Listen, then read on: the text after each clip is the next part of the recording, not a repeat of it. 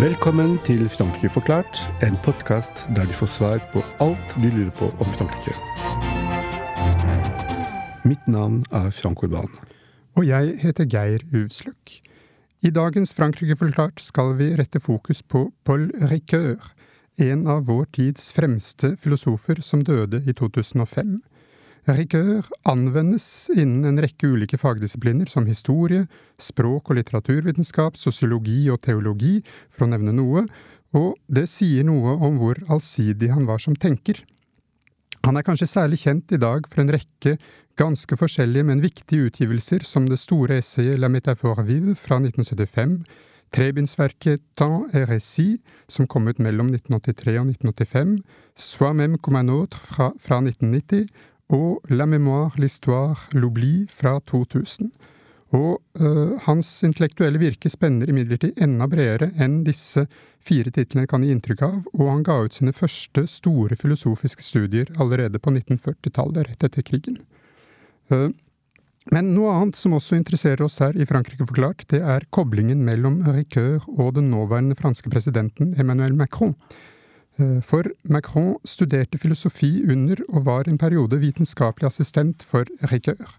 Eh, for nettopp utgivelsen av nevnte La mémoire, l'histoire, l'oubli i 2000. Og Macron har aldri lagt skjul på at han har vært inspirert av Ricoeur både før og etter at han ble Frankrikes president. Så hva er det filosofiske ståsted til Ricoeur, og i hvilken grad kan vi si at Macron har fulgt eller brutt med Ricoeur sin lærdom? Dette er hovedtema for diskusjonen med dagens gjest, Bjørn Kvalsvik Nikolaisen. Velkommen, Bjørn. Takk. Bjørn er professor i lesevitenskap ved Institutt for kultur- og språkvitenskap ved Universitetet i Stavanger. Han har arbeidet med retorikk, hermenutikk, eldrelitteratur, kulturhistorie, lesningens teori, historie og praksis. Han har studert i Paris og arbeidet i Strasbourg mellom 1998 og 2002. Han introduserte Paul Ricard i Norge, og har oversatt Pierre Bourdieu til norsk. Bjørn har også skrevet en rekke artikler om Frankrike i dagspressen. Han var faktisk gjest hos oss for en episode om separatisme i Frankrike. Dette var i våren 21, og det var på nett pga. covid-krisen. Ja, det er sant. Eh, nå har vi klart å møtes i studio. Eh, så Bjørn, eh, kan du begynne med å fortelle oss hvem Paul Ricoeur var? Eh, det hevdes ofte at det er umulig å definere hva som er målet for filosofien hans, fordi han dekker et så enormt felt og trekker så mange disipliner inn i refleksjonene sine. Men kan du prøve, i den grad det er mulig, å si kort hvem han var? Ja, for det første sånn et veldig sjeldent dyr i europeisk eh, åndshistorie. Han er en fransk mann som har hugenottisk bakgrunn. Altså er han protestant, og han eh, har stort sett vel forholdt seg til sosialdemokratiet som en politisk retning. Så han um, har i det spennet der vært opptatt av å finne ut av hvordan vi i det hele tatt er i stand til å komme fram til en erkjennelse, i og med at han mener at all vår erkjennelse er indirekte. Hans eh, sterke inntrykk i mellomkrigstida under krigen var jo at han mista sin far ved Verdun i 1914 eh, allerede. Vokste da opp hos ei tante, og befant seg i mellomkrigstida i Alsace, der han kom i kontakt med historikerne som eh, skapte den såkalte Annal-skolen. Det er en retning i historievitenskapen som betrakter historien slik at den skjer i ulik takt. Der finnes det en langvarig historie. Eh, I Amerika har de begynt å kalle det for big history. Det er da kan være alt ifra den eh, naturretta eh, utviklingen, men først og fremst kanskje til det som ligger før historisk minne. I midten der så finnes det en mellomrask historie, som gjerne er knytta til institusjonene og økonomisk historie det raskeste. Dette fikk han til å bli opptatt av historiefilosofi, men av denne kontakten, og påvirkningen fra Emil Durkheim og eh, tenkere som, som også hadde jobba med veldig langsiktige historiske perspektiv, fra middelalderen og fram til moderne fransk historie, så ble han opptatt av hvordan kan det ha seg at vi i det hele tatt forstår oss sjøl. Han ble veldig uenig i den angloamerikanske oppfatningen, for så vidt også da ganske gjeldende i fransk tenkning, om at viljen er knytta først og fremst til subjektets evne. Han eh, kom til, etter mye arbeid med historie, og inspirert fra tysk eksistensialisme så vel som som fransk personalisme.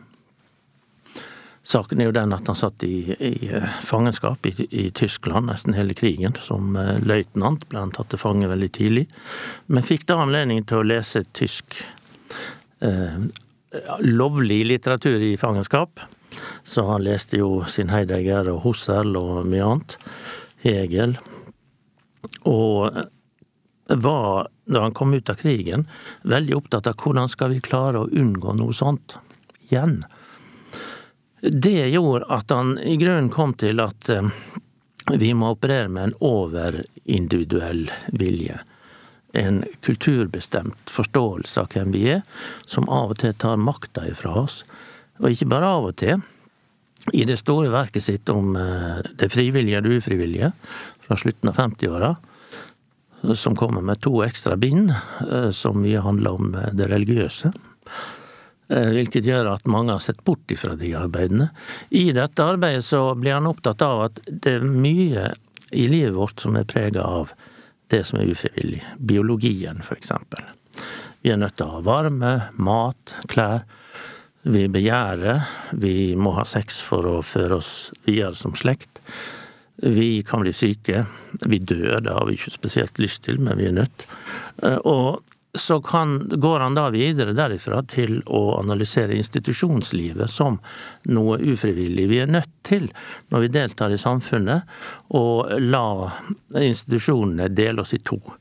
Vi blir et subjekt, så å si halvparten av oss. Resten må foregå sammen med andre mennesker i interpersonale forhold. Dermed så blir han en tenker som eh, kan minne om andre franske.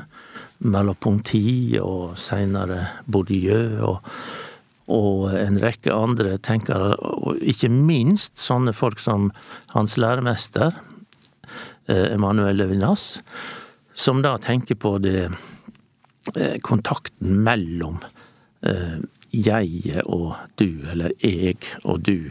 Men når jeg kommer til det at du er nødt til å operere med mer enn bare dialogen mellom to. Du må forestille deg at en tredje person eh, regulerer veldig mye av livet ditt.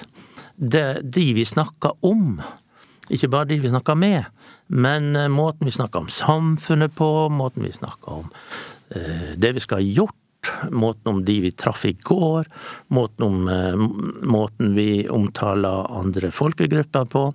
I det hele tatt så har vi lært en hel masse ting om det tredje, ikke bare, ikke bare uh, le soir og l'autrui, uh, men også la troisième personne.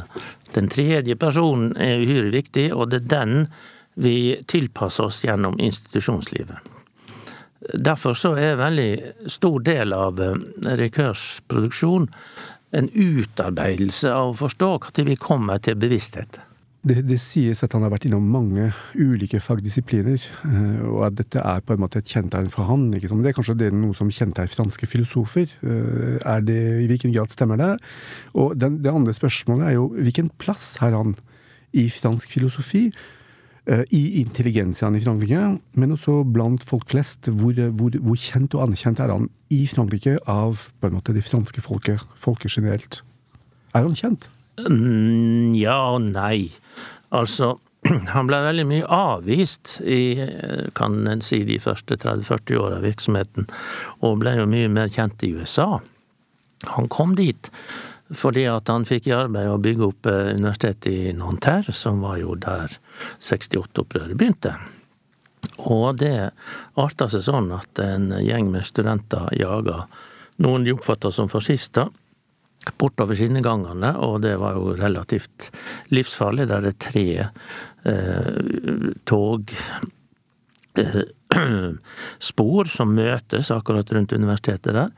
Og det er ikke anbefalesverdig å være der. Han advarte da studentene om å oppføre seg sånn, og mente at de burde kunne løse sine kontroverser på en fornuftig måte i åpne diskusjoner. Det fikk han igjen for ved at folk tømte søppelbøtter i hodet på han og han tok imot en stilling i Chicago.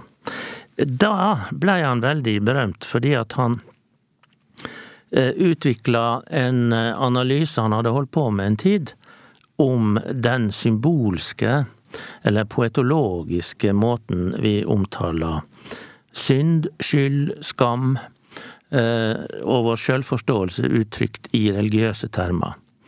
Han avviste veldig tidlig forestillingen om at eh, religiøse skrifter skal være autoriteter over vårt hverdagsliv. Til gjengjeld fant han grunn til å analysere, i motsetning til strukturalistene, som han var veldig opptatt av, altså de som så dypstrukturer i vår bevissthet over mange generasjoner, så gikk de aldri løs på våre hellige skrifter, altså Bibelen eller i, i, liten grad også Toraen, da, og, og, og, bortsett fra Levinas, som brukte hasidistiske skrifter. Og i seinere år så har jo til og med der i dag, de siste år før han, han døde, arbeidet en god del med tilsvarende spørsmål. Og eh, det må vel òg sies at Foucault, også i begynnelsen av 80-åra, skjønte at religion kom til å få en helt annen betydning i den moderne verden enn det som var alminnelig anerkjent. Og da var det sånn at Rikør mente at vi har i vår mytologi og i vår måte å uttrykke oss om oss sjøl og andre på, og vår måte å fordømme ting på, vår måte å pålegge oss andre skyld på, så vi, sitter vi fast i forestillingsverdenen der vi vanskelig kan komme ut uten å analysere oss gjennom det. Så en må drive en eksegese eller en tekstanalyse av vår egen mytiske bakgrunn. Og, og, der er åpningen mot at han går inn i lingvistikk, og han går inn i uh, sosialantropologi og historie. Og alt dette er da stadig flere forsøk, og mot slutten av livet så er han da òg opptatt av hjerneforskning, nevrofysiologi og litt av hvert, for å finne ut av forholdet mellom hva er det for strukturer vi faktisk kan identifisere, som vi kan snakke om i fellesskap, istedenfor bare å ta over det vi har fått overlevert gjennom institusjonene. Og, og da får vi en moralfilosofi etter hvert som er sånn at vi sitter med ansvar for det andre har skapt og vi har tatt over. Vi har arva holdninger og ikke minst snakkemåter, forståelsesformer, tekster som vi står ansvarlige for, sjøl om det ikke vi har skapt dem. Mm. La, la, oss ta et element. Han døde i 2005, ikke sant? Mm. Han karakteriseres ofte som en brobygger og en formidler, og selv definerte han seg eh, som en som alltid har vært tilbøyelig til å lete etter medieringer mellom motsatte posisjoner. Men hva menes det med, med dette begrepet om brobygging? Ja, det er ikke et begrep jeg tror han har brukt noe særlig sjøl, men det, han, han er opptatt av dialogen. Men hvordan en dialog kan komme i stand når vi også alltid snakker om tredje person. Vi definerer oss som nordmenn, franskmenn, europeere eller hva som helst. Vi definerer oss som kristne, muslimer, baptister og katolikker og protestanter osv. Vi har alltid en tredje person som vi legger over vår egen vilje og, og og på en måte anbefaler folk å se oss ut ifra et bestemt perspektiv. Eh, for å kunne eventuelt lage ei bru, da, eller for å skape en samtale, så må vi alltid oppfatte det sånn at vår forståing av oss sjøl er filtrert. Vi har fått overlevert oppfatninger om hvem vi er, som vi er nødt til å analysere. Vi er på en måte nødt til å være mistenksomme over det bildet vi, som skapes av oss sjøl i vår kultur. Derfor så trenger vi å snakke med annerledes tenkende konstant. Vi trenger denne utenfor eh, å resonnere på. Og da er det også at vi får en kunnskapsteoretisk kvalitet ved slike størrelser som poesi, diktning, som filosofer jo har avvist i grunnen ofte siden Platon, og historiefaget, historiens forståelse, hukommelsen, hva vi gjør med minnene våre, hva vi gjør med vårt eh, forhold til, til nasjonen vi er i, eller de grupper vi tilhører. Altså, vi er nødt til å, å gå den langsomme omveien rundt analysen. Eller som jeg har sagt en gang med en boktittel 'Omvegar fører lengst'. Det, det er jo mange uh, forskjellige disipliner han har vært innom, som vi snakket om. Og innledningsvis så sa du også at han særlig i begynnelsen av karrieren hadde mye kontakt med historikere i Strasbourg. Uh, og uh, også mot slutten av livet så kom han med et viktig historisk verk, nemlig dette nevnte La mémoire, l'histoire et l'oubli. Minne, historie, glemsel. og en annen fransk historiker som har jobbet mye med nettopp Ricoeur, Francois Doss, han skriver uh, i en av de mange tekstene han har skrevet om Ricœur, så skriver han uh, at det var veldig viktig for Ricœur at de som skal formidle fortiden, ikke forholder seg til det fortidige som noe stivnet, uh, men snarere som noe som fremdeles er i spill mellom individuelle og kollektive minner, historikernes eh, skiftende forståelse av fortidens hendelser, der også glemselen spiller en viktig rolle. Eh, så kan du ut fra dette fortelle litt om historiesynet til Ricoeur? Ja, altså det begynner jo naturlig nok med en refleksjon over hva krigen hadde å si, og hvordan tysk og fransk historietenkning sto opp mot hverandre i i 50-åra. Så kommer han videre med en eh, stor analyse utover 70-80-tallet. Som kulminerer etter trebindsverket Ta resi, der han jo forklarer ganske grundig at historikerne har lenge drøfta det problemet at når du slutter deg til en fortelling, så slutter du deg også til poenget i fortellingen en fortelling har alltid et uh, sluttpunkt. Om det så er en vits eller en anekdote eller et eksempel, så skal det ha et poeng. Men det poenget kan vel være undertrykkende som emancipatorisk, og dette kan jo franskmenn veldig mye om. Altså, det er jo ikke lenger siden enn i 2011 at det ble lov å kalle Algerikrigen for krig.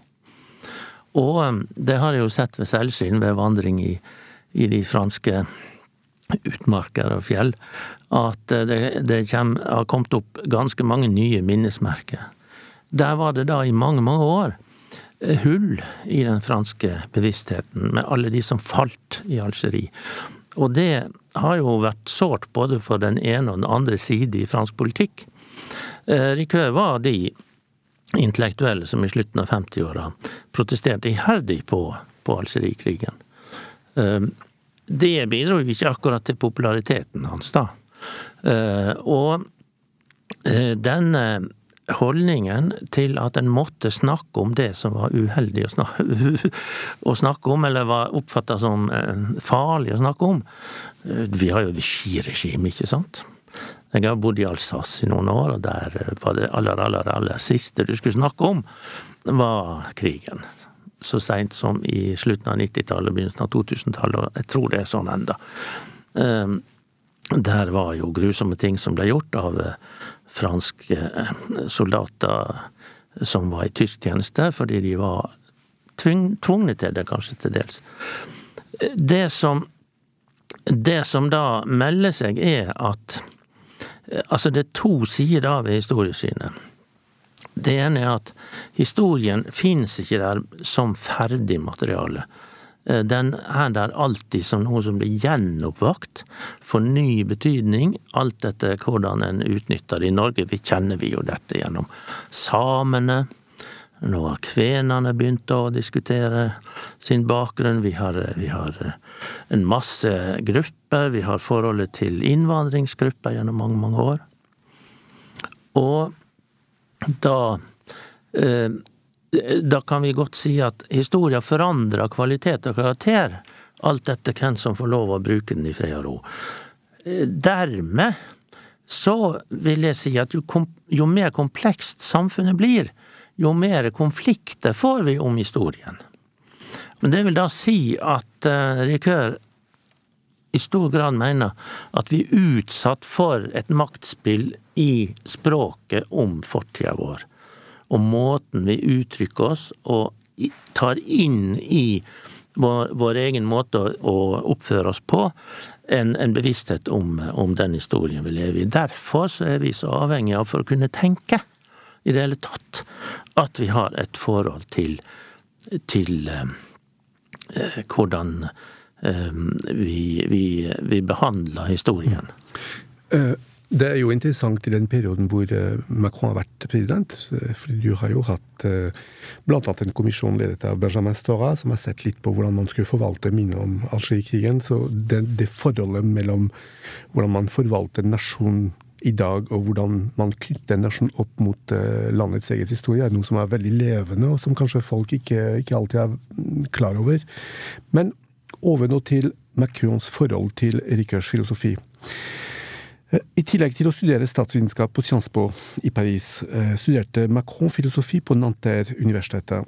Og da hadde han en veileder som kjente Paul Ricoeur, og som hjalp han med å bli vitenskapelig assistent for Ricoeur i forbindelse med redigering av eh, det verket som ble nevnt, dvs. Si et av de siste store verker. Macron skrev selv i sin selvbiografi at Ricoeur fikk han til å tenke politisk. Og da kommer det store spørsmålet. Hvilket preg satt dette samarbeidet på mennesket og på politikeren Macron? Ja, det var jo et stort spørsmål, da. Jeg kjenner jo ikke mennesket Macron, men jeg har jo lest hans eh, tekster, eksempel eh, boka 'Revolution' fra 2016. Og eh, der kommer jo også opp igjen dette med minnene, da. Og måten vi takler vår, vår respekt overfor andre på. Nå har jo Frankrike et minneministerium, Altså en minnepolitikk som eh, veldig få andre land har. Ja, altså Storbritannia har det òg. Men eh, eh, i den forbindelse så er det jo ganske tydelig at eh, at Macron har i flere sammenheng prøvd å få en forestilling om at vi må utvikle en større grad av gjensidig respekt for de ulike Eh, sidene ved det franske samfunn. Han, han vil ikke snakke om eh, les sociétés communautaires. Han vil ikke prate om eh, grupper som sto mot hverandre. Han ville snakke om de, eh, de mulighetene det var for å treffe. Han, jeg tror nok at han også bidro til å få bedre dialog med Islamsk råd en stund. Ehm, men så har vi det at han hadde jo i, i boka om eh, La Revolution, eller Revolusjon heter den vel bare, ehm, så ville han jo òg etablere nye ordninger. Jeg har vært eh, litt skuffa over at han ikke gjorde det han lovde å gjøre, nemlig å etablere en eh, meglingsinstans mellom arbeidsgiver og arbeidstaker, med støtte fra staten, men ikke etter en direkte skandinavisk modell, skulle være en uavhengig instans. Hadde han det gjort, så kanskje han hadde til og med unngått gulvestopprøret og forskjellige andre kjedelige ting. Eh, det ville jo ha etablert en helt ny ting i, fransk politisk liv. Der det er jo bare 11,5 eller noe sånt som er organisert i fagforeninger i Frankrike. I motsetning til i, i Norge og i de skandinaviske land. Det gjør at disse fagforeningene på en viss måte har altfor stor makt i forhold til mengden av arbeidstakere. Og det gjør at det er umulig å få forhandlinger i gang på en skikkelig måte. Sånn at dette var jo han fullstendig klar over, at han måtte endre institusjonslivet. Eh, for da igjen å gå tilbake til Rikør, så var Rikørs grunnleggende tanke når det gjaldt å koble religion opp her, var at det er ikke sånn at vi er født syndere. Eh, ut ifra slik han eksegerer de religiøse tekstene i jødedommen og kristendommen. Eh, det er tvert imot sånn at vi fødes inn i den skapte synd. Altså det er institusjonene som bærer oppe en, en form for arvesynd. Dette leser han ut ifra romerbrevet og litt av hvert annet. Det er ganske fascinerende. For dette har jo bidratt til at Rikør har, har, har tent noen sånne uh, lys der, da, for forskere som har sett på, på Paulus som en stoiker Eh, som altså ser på at Babylon og disse her forferdelige menneskelig skapte institusjonene viderefører farlige tendenser i samfunnet. Og der var det jo Jeg trodde iallfall, og det tror jeg at Francois Doss også trodde, eh, iallfall sånn som han sa det da, da, han ga meg den boka han først skrev om, om, om eh, filosofen og presidenten, så trodde han at her skulle da Macron fremme en helt ny tanke om hvordan vi skulle samarbeide bedre. Og det hadde jo vært en fantastisk eh, måte å få i gang et bedre europeisk samarbeid på. I stedet, som nå Doss skriver om i sin siste bok om Macron, og som han også har laga et, et, et åpent brev om i avisene, så har da Macron valgt å sette gjennom én vilje.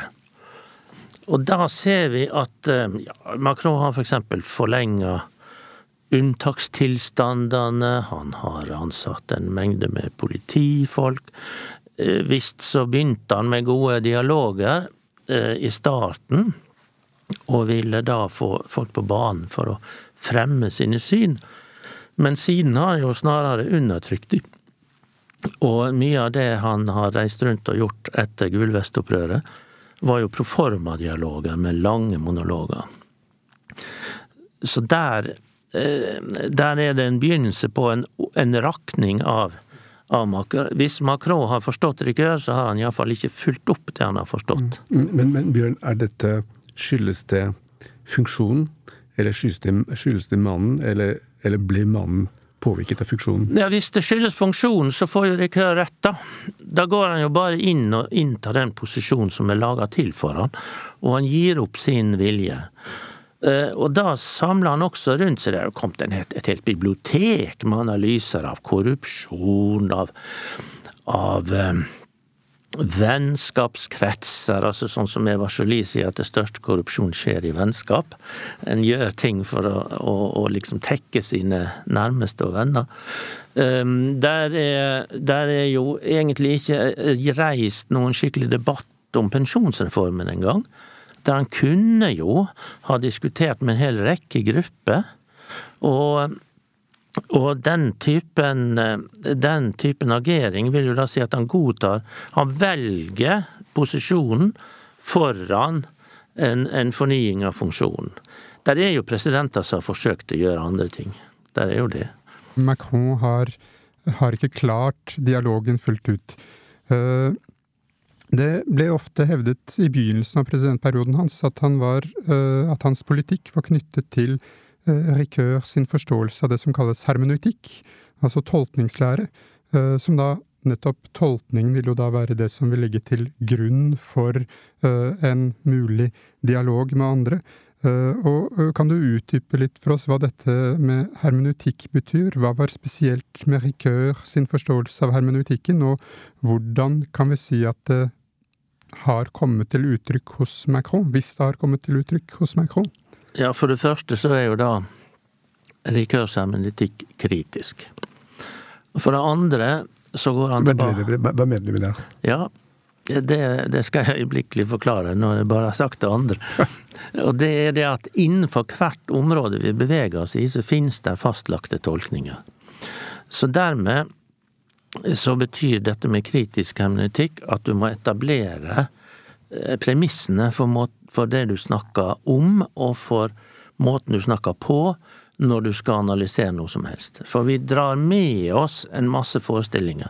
Altså, se på de krigene vi har gående nå, da, i Ukraina, eller vi har eh, enda forskjellig uro borte i, i, i Serbia. Det er jo nedarva forestillinger fra hundrevis av år tilbake som ligger til grunn for at eh, dette kan skje. Slik at eh, den kritiske hermenetikken handler om at i de områdene vi beveger oss, må vi konfronteres med alternative oppfatninger. Og vi må forstå at det vi tar for gitt, ikke er det som er det naturlige. For det naturlige ligger i at vi, vi eksisterer, lever og tenker og har regler vi følger. Men det kulturelle ligger i at vi blir overstyrte også i, i synet på det meste som foregår, f.eks. For i pandemien. Eh, hvordan, vi, hvordan en oppfatta og hadde, hadde, motvilje mot vitenskapelige eh, tiltak for å møte pandemien som var nå.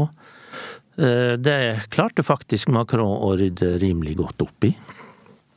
Men det var fordi at han da Det var jo da fordi at han eh, han nettopp der klarte å ta opp en åpen diskusjon om hva som var premissene for hvordan en skulle tenke. Så vel, altså, vi, vi tolker hele tida. Og det betyr at det alt, ligger alltid et filter mellom oss og virkeligheten. Uh, I den forstand at det er dette som er virkeligheten vi opplever, det er det filteret eller de mønstra vi agerer ut ifra. Og det er jo det som gjør at uh, Rikør holdt på i 50 år og jobber med akkurat de problemene der. Hvordan skapes disse filtrene, og hvordan kan vi forstå de og frigjøres eventuelt fra de, eller å utvikle de til noe mer konstruktivt? For å forenkle veldig sterkt, og for å koble til Macron Det virker som den ene delen av, av problemstillingen er jo at man skal man skal bli enig om at man er uenig i en sak, eller om en sak. Men også må man skape kompromiss etterpå. Så må man Nei. finne fram til løsninger, eller? Ja, kompromiss er jo en vanlig sosialdemokratisk måte å gjøre ting på. Beklager. Eh, nei, nei, men det er helt flott. Kompromiss må vi jo selvfølgelig komme fram til når vi ikke kommer lenger. Det kunne jo ha skjedd i nasjonalforsamlingen i forhold til pensjonsreformen. Ikke sant? Hvis ikke det, dette her eh, presidentvedtaket var blitt gjort med hjemmel i, i, Grunnlovens litt underlige bestemmelse der, men det var jo for å slippe å, å, ha samme affære som du hadde i den fjerde republikk hele tiden. Nei, poenget er at eh, vi må etablere en forståelse av at vi alle sammen er låst i våre forutsetninger.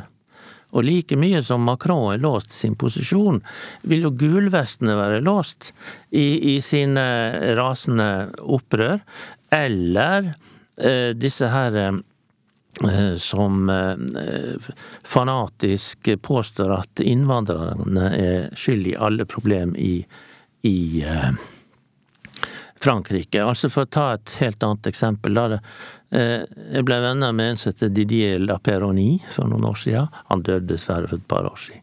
Han skrev i 2008 en bok som heter Getto urbain. Da Det skulle han aldri ha gjort. Da ble han ostrakisert. For, uh, han ble nærmest jaga fra Sorbonne. Han, uh, han, fikk lov å ha et kontor lenger borte, borte ved Saint-Germain.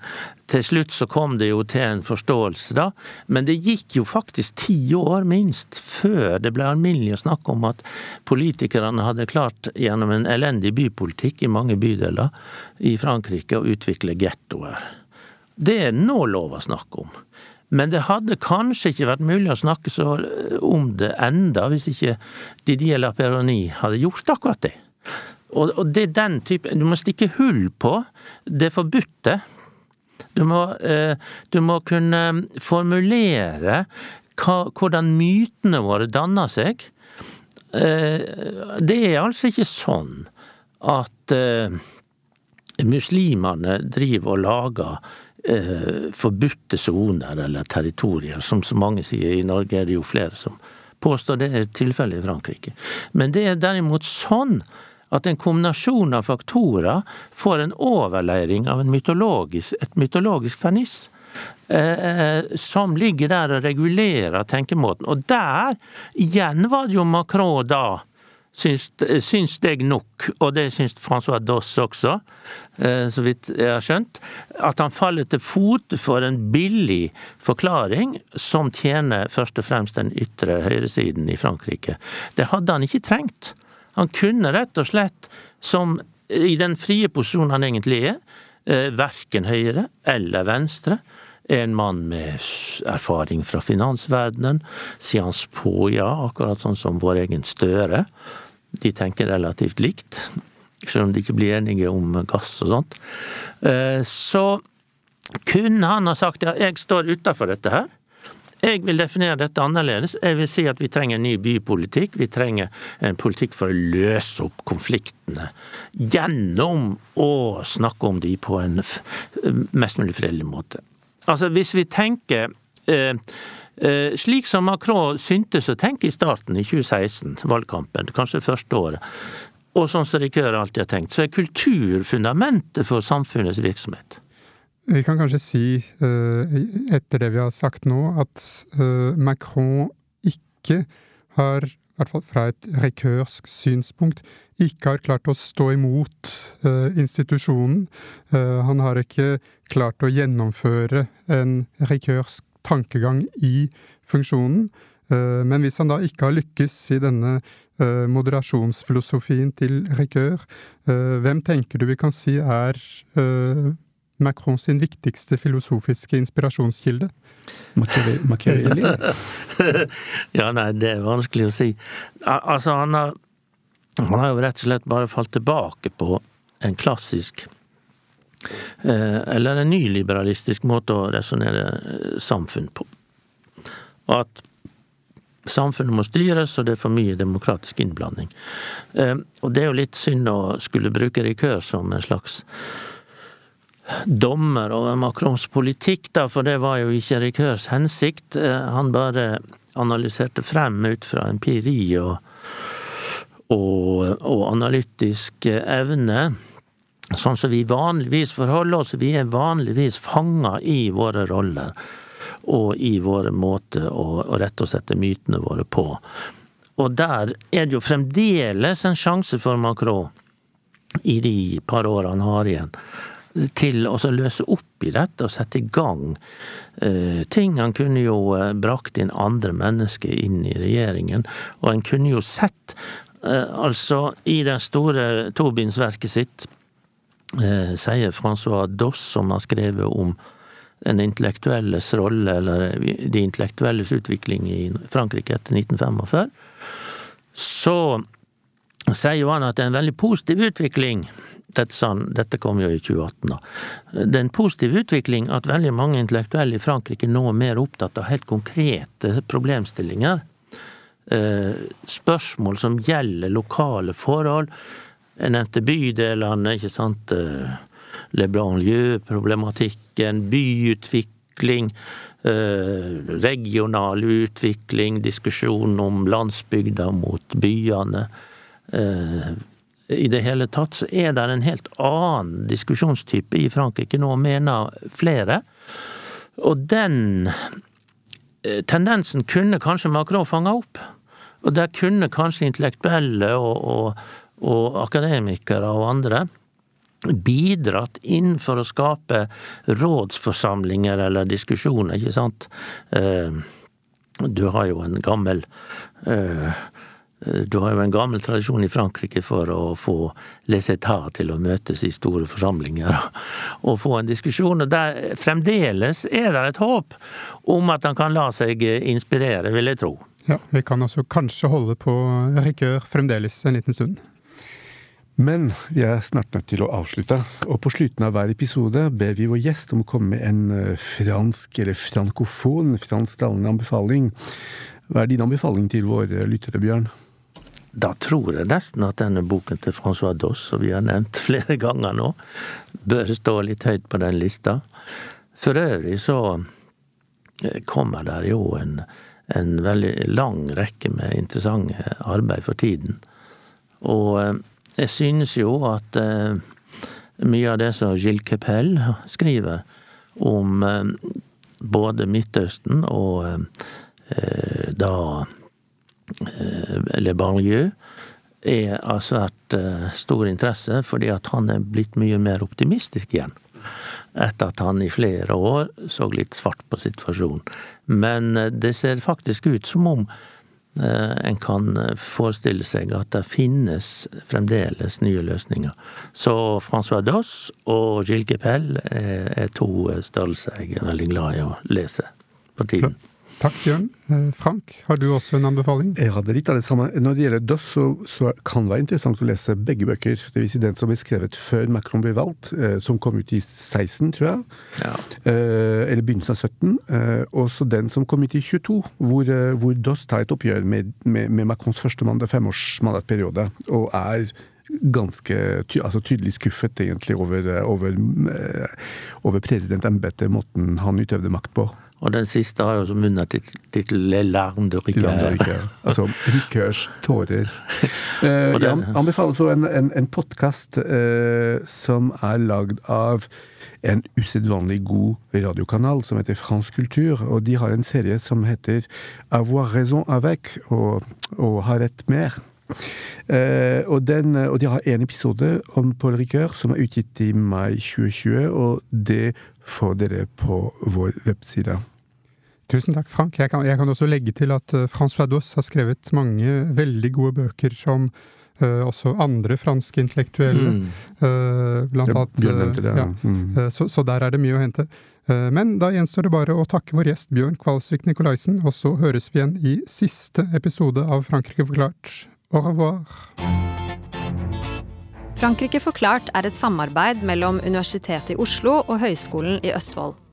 Podkasten er støttet av Det norske universitetssenteret i Paris og Institut Francais i Oslo, og har full redaksjonell frihet. Abonner på Frankrike forklart på iTunes, Spotify eller på andre plattformer der du lytter til podkast. Har du kommentarer til oss eller forslag til temaer vi bør ta opp, kan du sende inn det via vår Facebook-side Frankrike forklart. Alle dagens referanser ligger på denne Facebook-siden og på nettsiden vår vi skriver en kronikk i forbindelse med hver episode som belyser dagens tema fra en litt annen vinkel. Kronikken finner dere på forskning.no, Transitmagasin og på nettsiden vår.